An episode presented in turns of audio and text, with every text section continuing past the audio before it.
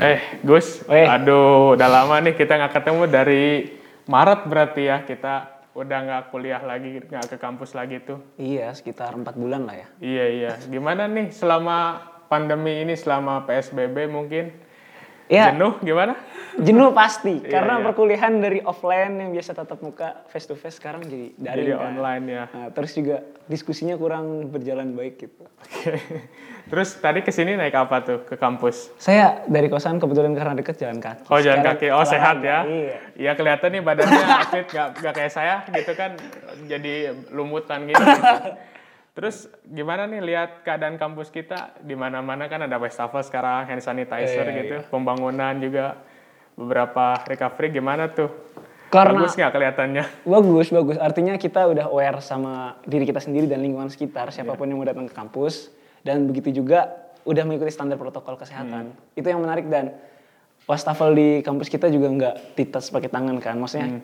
pakai udah pakai kaki diinjek gitu. Jadi kontak dengan benda-benda sekitar tuh nggak Iya, terlalu kontak ke badan kita. Dan Kak Reza kalau lihat tadi ya, interiornya gimana nih menurut Reza sendiri? Dari Iya. Waduh. eksterior juga banyak perubahan sekali gitu. Iya interiornya sih saya kaget ya karena baru baru tadi kan ke kampus Iya, iya. gitu. Saya sekalian aja bikin story IG juga gitu. Bagus sih gitu. Berarti kampus kita dianggap sudah siap aja ya di new normal ini. Berarti ini juga momentum untuk eh, instansi pendidikan untuk berbenah secara apa namanya birokrasi maupun secara fisik seperti itu. Mungkin anggapan Reza gimana lihat fisik kita juga tadi yang Reza lihat buat instastory, apakah itu sangat menarik minat teman-teman untuk kembali berkuliah setelah pasca Iya. pandemi ini? Pasti mereka kan rindu kampus juga ya Iya, gitu. iya. Ketika ngampus mereka rindu libur gitu. Sekarang lagi, lagi apa rindu ngampus itu kan. Ya kita harap sih September ini udah bisa masuk ya semester 5 atau Agustus mungkin. Walaupun katanya peraturan Pak Nadiem Menteri Pendidikan itu kan Januari ya mulai Hmm. Betul. masuk. Ya tapi mudah-mudahan lah apalagi kan saya memang orang asli Bandung. Iya. Sebenarnya bisa sih kuliah gitu kan ke kampus nggak apa-apa gitu. Oke, eh, mungkin tadi soal kampus ya gitu. Ini kan studi kita ini soal hubungan internasional gitu. Betul. Ini selama pandemi gimana nih analisa bagus soal ya mungkin gara- gara-gara pandemi atau COVID-19 ini gimana gitu soal fenomena politik global atau ekonominya gitu. Yang jelas kalau global ya, arah politiknya semakin jelas. Artinya pra Covid negara masih ada kepentingan yang masih nggak ada arah. Iya, iya. Setelah sekarang itu semakin ada arah dan mungkin memunculkan epicentrum baru kayak Cina semakin bangkit, Amerika masih tetap di atas dan muncul nanti misalkan di Eropa ada negara-negara yang baru muncul sebagai kekuatan baru. Iya, iya. Setelah Brexit Inggris keluar kan artinya ada pergantian poros nanti di, di, di apa namanya di Eropa gitu. Oke, oke. Terus kalau misalkan dilihat sendiri dari Indonesianya sendiri deh di mata global atau internasional gimana nih? Harusnya kalau asumsi saya atau pendapat saya itu adalah dimanfaatkan sebagai momentum, sebagai saya bilang middle power ya. Karena untuk naik ke great power itu masih sangat Jauh, cukup jauh lah ya Iya, iya. untuk standar itu. Dan momentum ini dimanfaatkan baik harusnya secara industrialisasi kan istilah pembahasan kita kan new normal life gaya hidup baru ya. Artinya gaya hidup baru itu bukan protokol kesehatan untuk pribadi manusia itu sendiri. Melainkan bagaimana negara untuk survive atau berjuang baik secara internasional, secara regional maupun global gitu. Iya, iya. Nah, Itu juga bahasa global tuh menarik ya saya eh, waktu semester 2 saya baca buku judulnya eh, History, Philosophy and Sociology of International Relations. Itu buku bagus eh, editornya Nicholas Onuf. Dia mengkritik sebetulnya hubungan internasional itu harus berubah jadi hubungan global. Betul. Gitu kan apalagi hubungan global ini di dalamnya ada sosiologi politik global juga Betul. gitu. Nah mungkin pasca pandemi ini kita lihat eh, kayaknya ini momentum yang tepat gitu ya untuk kayaknya kita harus berpikir lagi ontologi eh, ilmu kita gitu. Betul. Kita ini hubungan internasional atau hubungan global dan kemudian apakah benar real politik doang gitu kan? Itu penting sih kayaknya. Apalagi eh, saya lihat gitu ya. Kayaknya negara-negara yang besar itu kayak Amerika, Tiongkok justru sekarang lagi panas-panasnya nih gitu Iya, kan iya. eh, di Laut Cina Selatan gitu. Ya Indonesia mungkin sebagai negara yang secara langsung gitu ya melihat fenomena ya, itu betul. di perbatasan juga bingung nih karena kan kita middle power tadi saya sepakat Iya. gitu. Cuman mungkin kita harus lihat dari kacamata regionalismenya gitu kan kita satu lingkup ASEAN gitu Iya. kira-kira bisa nggak ya men- apa menandingi kekuatan Tiongkok dan kalau misalkan kita eh, tidak berharap juga terjadi perang dunia Ya. ketiga ini karena Laut Cina Selatan mau poros ke mana gitu apa Betul. mau tetap kita politik bebas aktif atau gimana kan juga ambigu gitu sih Kalau kalau saya pribadi melihat momentum Laut Cina Selatan, kalau dilihat dari eskalasi konflik baiklah, secara persentase perbandingan militer dan teknologi yang dimiliki Cina dan Indonesia, bahkan negara-negara ASEAN, itu saya bilang sangat jauh. Dari anggaran pun kita udah kalah telak gitu. Iya, iya, jauh. Tapi gimana peluang ini kita manfaatkan sebagai eh, hubungan diplomasi bilateral, bagaimana kita mengelola Laut Cina Selatan dari setiap negara yang memiliki kepentingan tersebut Iya, iya. biar biar eskalasi konfliknya tidak berlarut-larut dan semakin turun. Iya, Tapi lihat juga di sini adalah negara yang tidak ada di regional Asia Pasifik tentunya eh, kayak di Amerika kan bagian Pasifik datang ke Laut Cina Selatan. Artinya dia juga Iya. punya kepentingan dan ya Jelas, tadi yang ya. saya bilang bakal muncul epicentrum apa negara-negara Hmm. baru yang notabene kita belum tahu nih arah setelah ini gimana. Tapi Iya. setelah pandemi itu bakal ada mengerucut arah ke mana entah itu dependensi atau independensi dari kepentingan laut Cina Selatan itu bakal ada di new normal ini pun kayak dimanfaatkan seperti wah harusnya nih kalau new normal life kenapa sih masih terjadi perang bukankah bukankah kita Iya. sekarang fokus ke kesehatan gitu Nah memang kan negara juga Gitu. Eh, kayaknya kita kalau lihat dari negara-negara besar itu ya kecuali negara yang middle power gitu atau Hmm. eh, kekuatan menengah gitu itu kelihatannya kok mereka masih fokus juga di keamanan tradisional gitu. Betul. Sementara kita kan sekarang sedang menghadapi keamanan yang non tradisional Betul. gitu. Juga eh, sebetulnya kan ini juga momentum kan Indonesia ini secara sejarah dia punya apa konferensi Asia Afrika, kemudian punya hubungan baik dengan negara middle power lain dan diterima di publik global gitu. Harusnya sih ada semacam apa namanya kerjasama yang lebih Besar. kuat lagi atau katakanlah solidaritas gitu ya solidaritas negara-negara Asia Afrika ditambah mungkin Amerika Latin yang sekarang kasus COVID-nya tinggi besar, gitu ya betul. Brazil contohnya gitu kita tidak pernah menduga itu kan hari ini gitu Iya, itu juga sebenarnya bisa memunculkan poros ketiga seperti Hmm. yang Pak Karno buat tentang Asia konferensi Asia Afrika di mana negara-negara eh, kedua dan ketiga melakukan apa tadi pertemuan pembahasan untuk negara-negara ini gimana nih biar bisa bangkit merdeka dan Iya. seterusnya.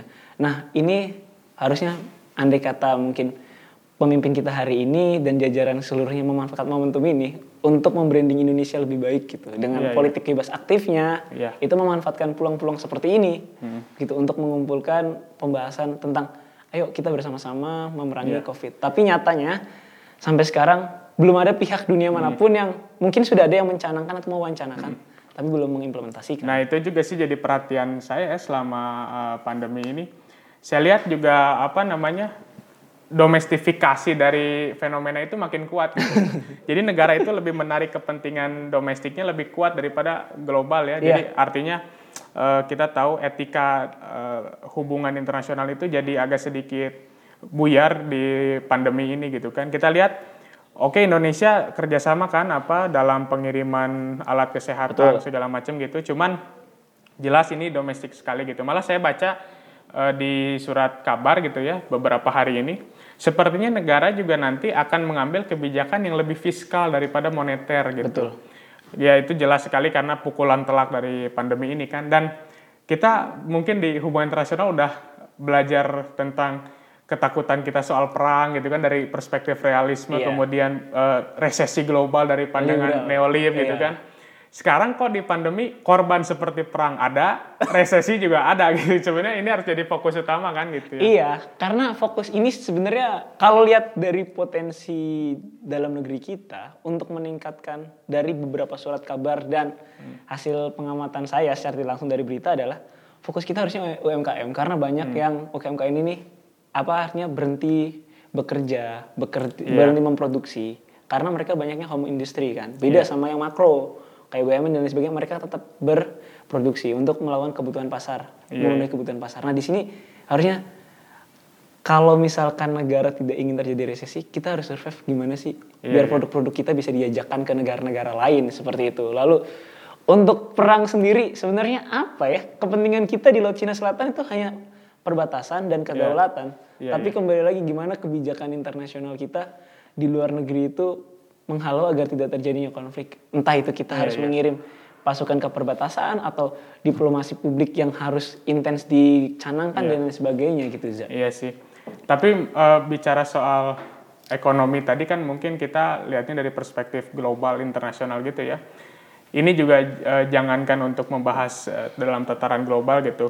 Kita tahu dengan liburnya kampus saja juga Udah pedagang-pedagang. Betul. kaki lima Oh, iya. kan yang jualan di kantin juga kan eh, mungkin agak sedikit terengah-engah gitu ya dalam eh, ekonominya gitu. Dan ya eh, banyak juga kan hal itu terjadi di wilayah mana pun apalagi ini kan skala pandemi ini global juga harus jadi perhatian juga gitu dan kelihatannya sih eh, kalau saya lihat ya ini dari apa namanya persaingan yang ketat ini itu sepertinya eh, Tiongkok atau Cina gitu ya beberapa waktu ini kelihatannya agresif sekali gitu kan di Taiwan mereka agresif kemudian di India kemarin Betul, baru konflik gitu Iya. kan kemudian di Laut Cina Selatan di tengah tuduhan bahwa ini COVID-19 ini berasal dari eh, Tiongkok gitu. Betul. Ini saya lihat juga memang rivalitas eh, great power itu atau negara yang super power itu kayaknya nggak pernah habis walaupun pandemi gitu ya. Hmm. Karena perang itu nggak lihat pakai protokol kesehatan, nggak usah physical distancing untuk perang gitu kan. Betul, Tapi ya betul. kita berharap tidak terjadi perang gitu ya. Kontak dan langsung, betul. dan kalau terjadi perang berarti momentumnya selalu tepat ketika perang dunia ke satu apa kedua itu kan bertepatan dengan flu Spanyol Iya. juga begitu kan. Apa masa ini dengan corona jadi perang dunia ketiga juga gitu kan.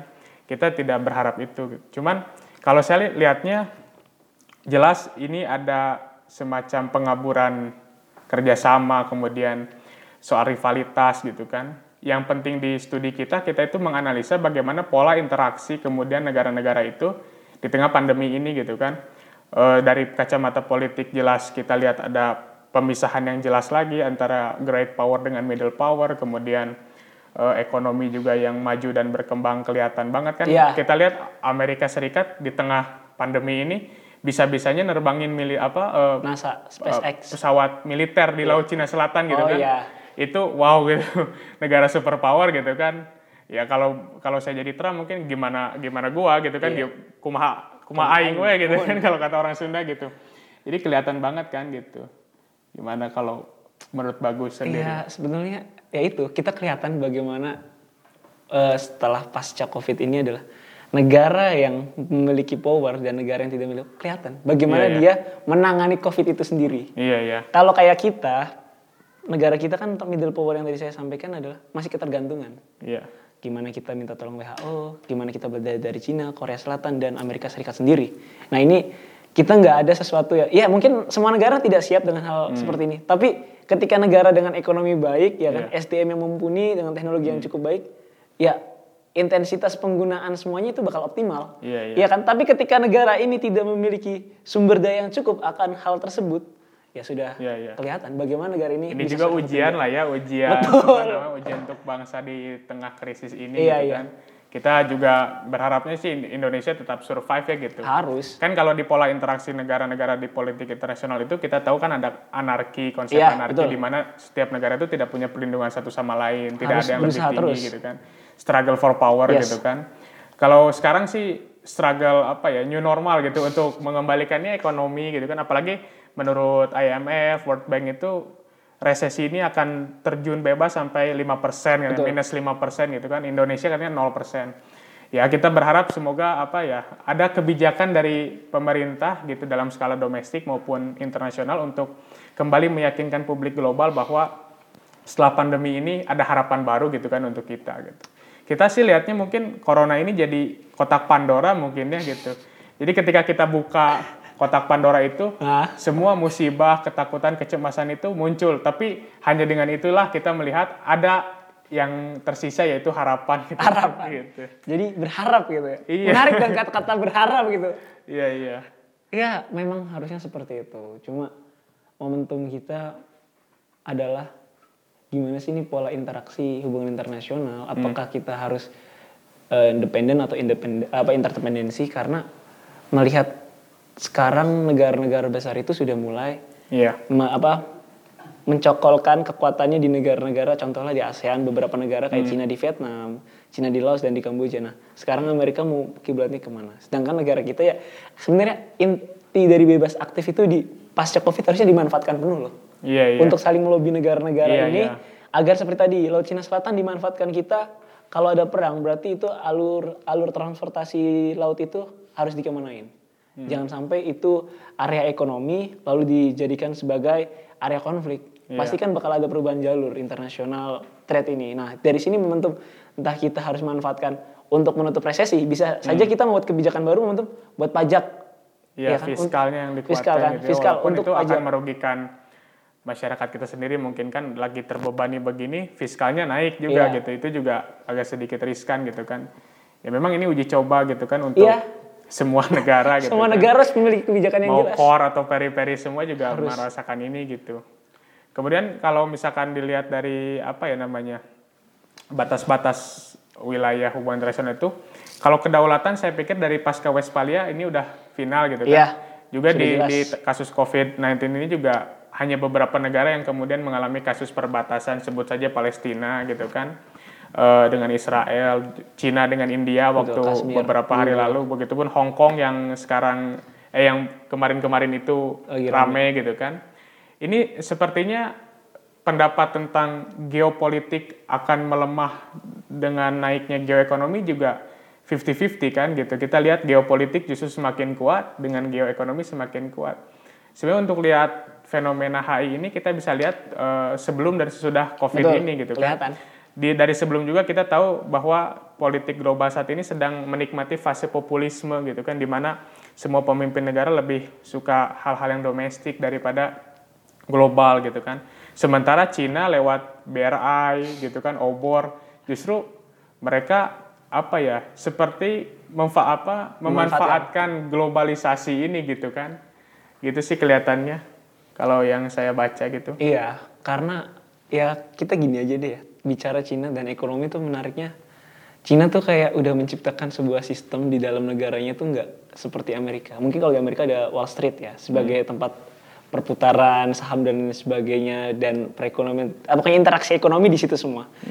Cina pun memiliki, jadi artinya tanpa adanya Amerika, Cina masih bisa survive. Iya. Makanya dia berani memanfaatkan peluang ini. Lah, gue juga ibaratnya, gue juga bisa nih kayak lu. Kenapa gue harus Iya. tergantung sama lu sih? Tapi untuk negara-negara yang masih berkembang, middle power atau peri-peri itu Hmm.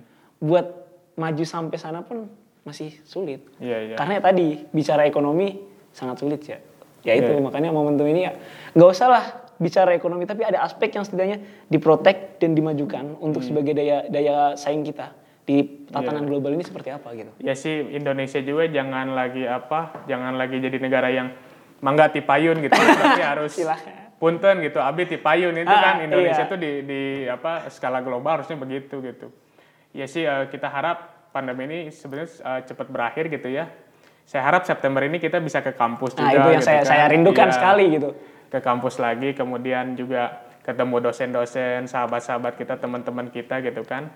Paling segitu aja sih, bagus eh, diskusi kita hari ini ya. Mungkin di lain waktu lah kita bisa bahas lagi. Ini menarik kan dari politik global, kemudian ekonomi, Ekonomi. politiknya gitu kan, dan Domestik. ada domestiknya juga gitu. Paling Ya. itu sih. Iya sih sebenarnya masih pengen saya ada Iya. beberapa pembahasan. Ya Iya, mungkin iya. nanti saya bisa main lah ke Iya, perpustakaan perpus- pribadi saya gitu. Oke, sekali. siap ditunggu Sekalian main ya. lihat-lihat buku baru Oke, gitu. siap. Siap, terima kasih ya, bagus. Oke.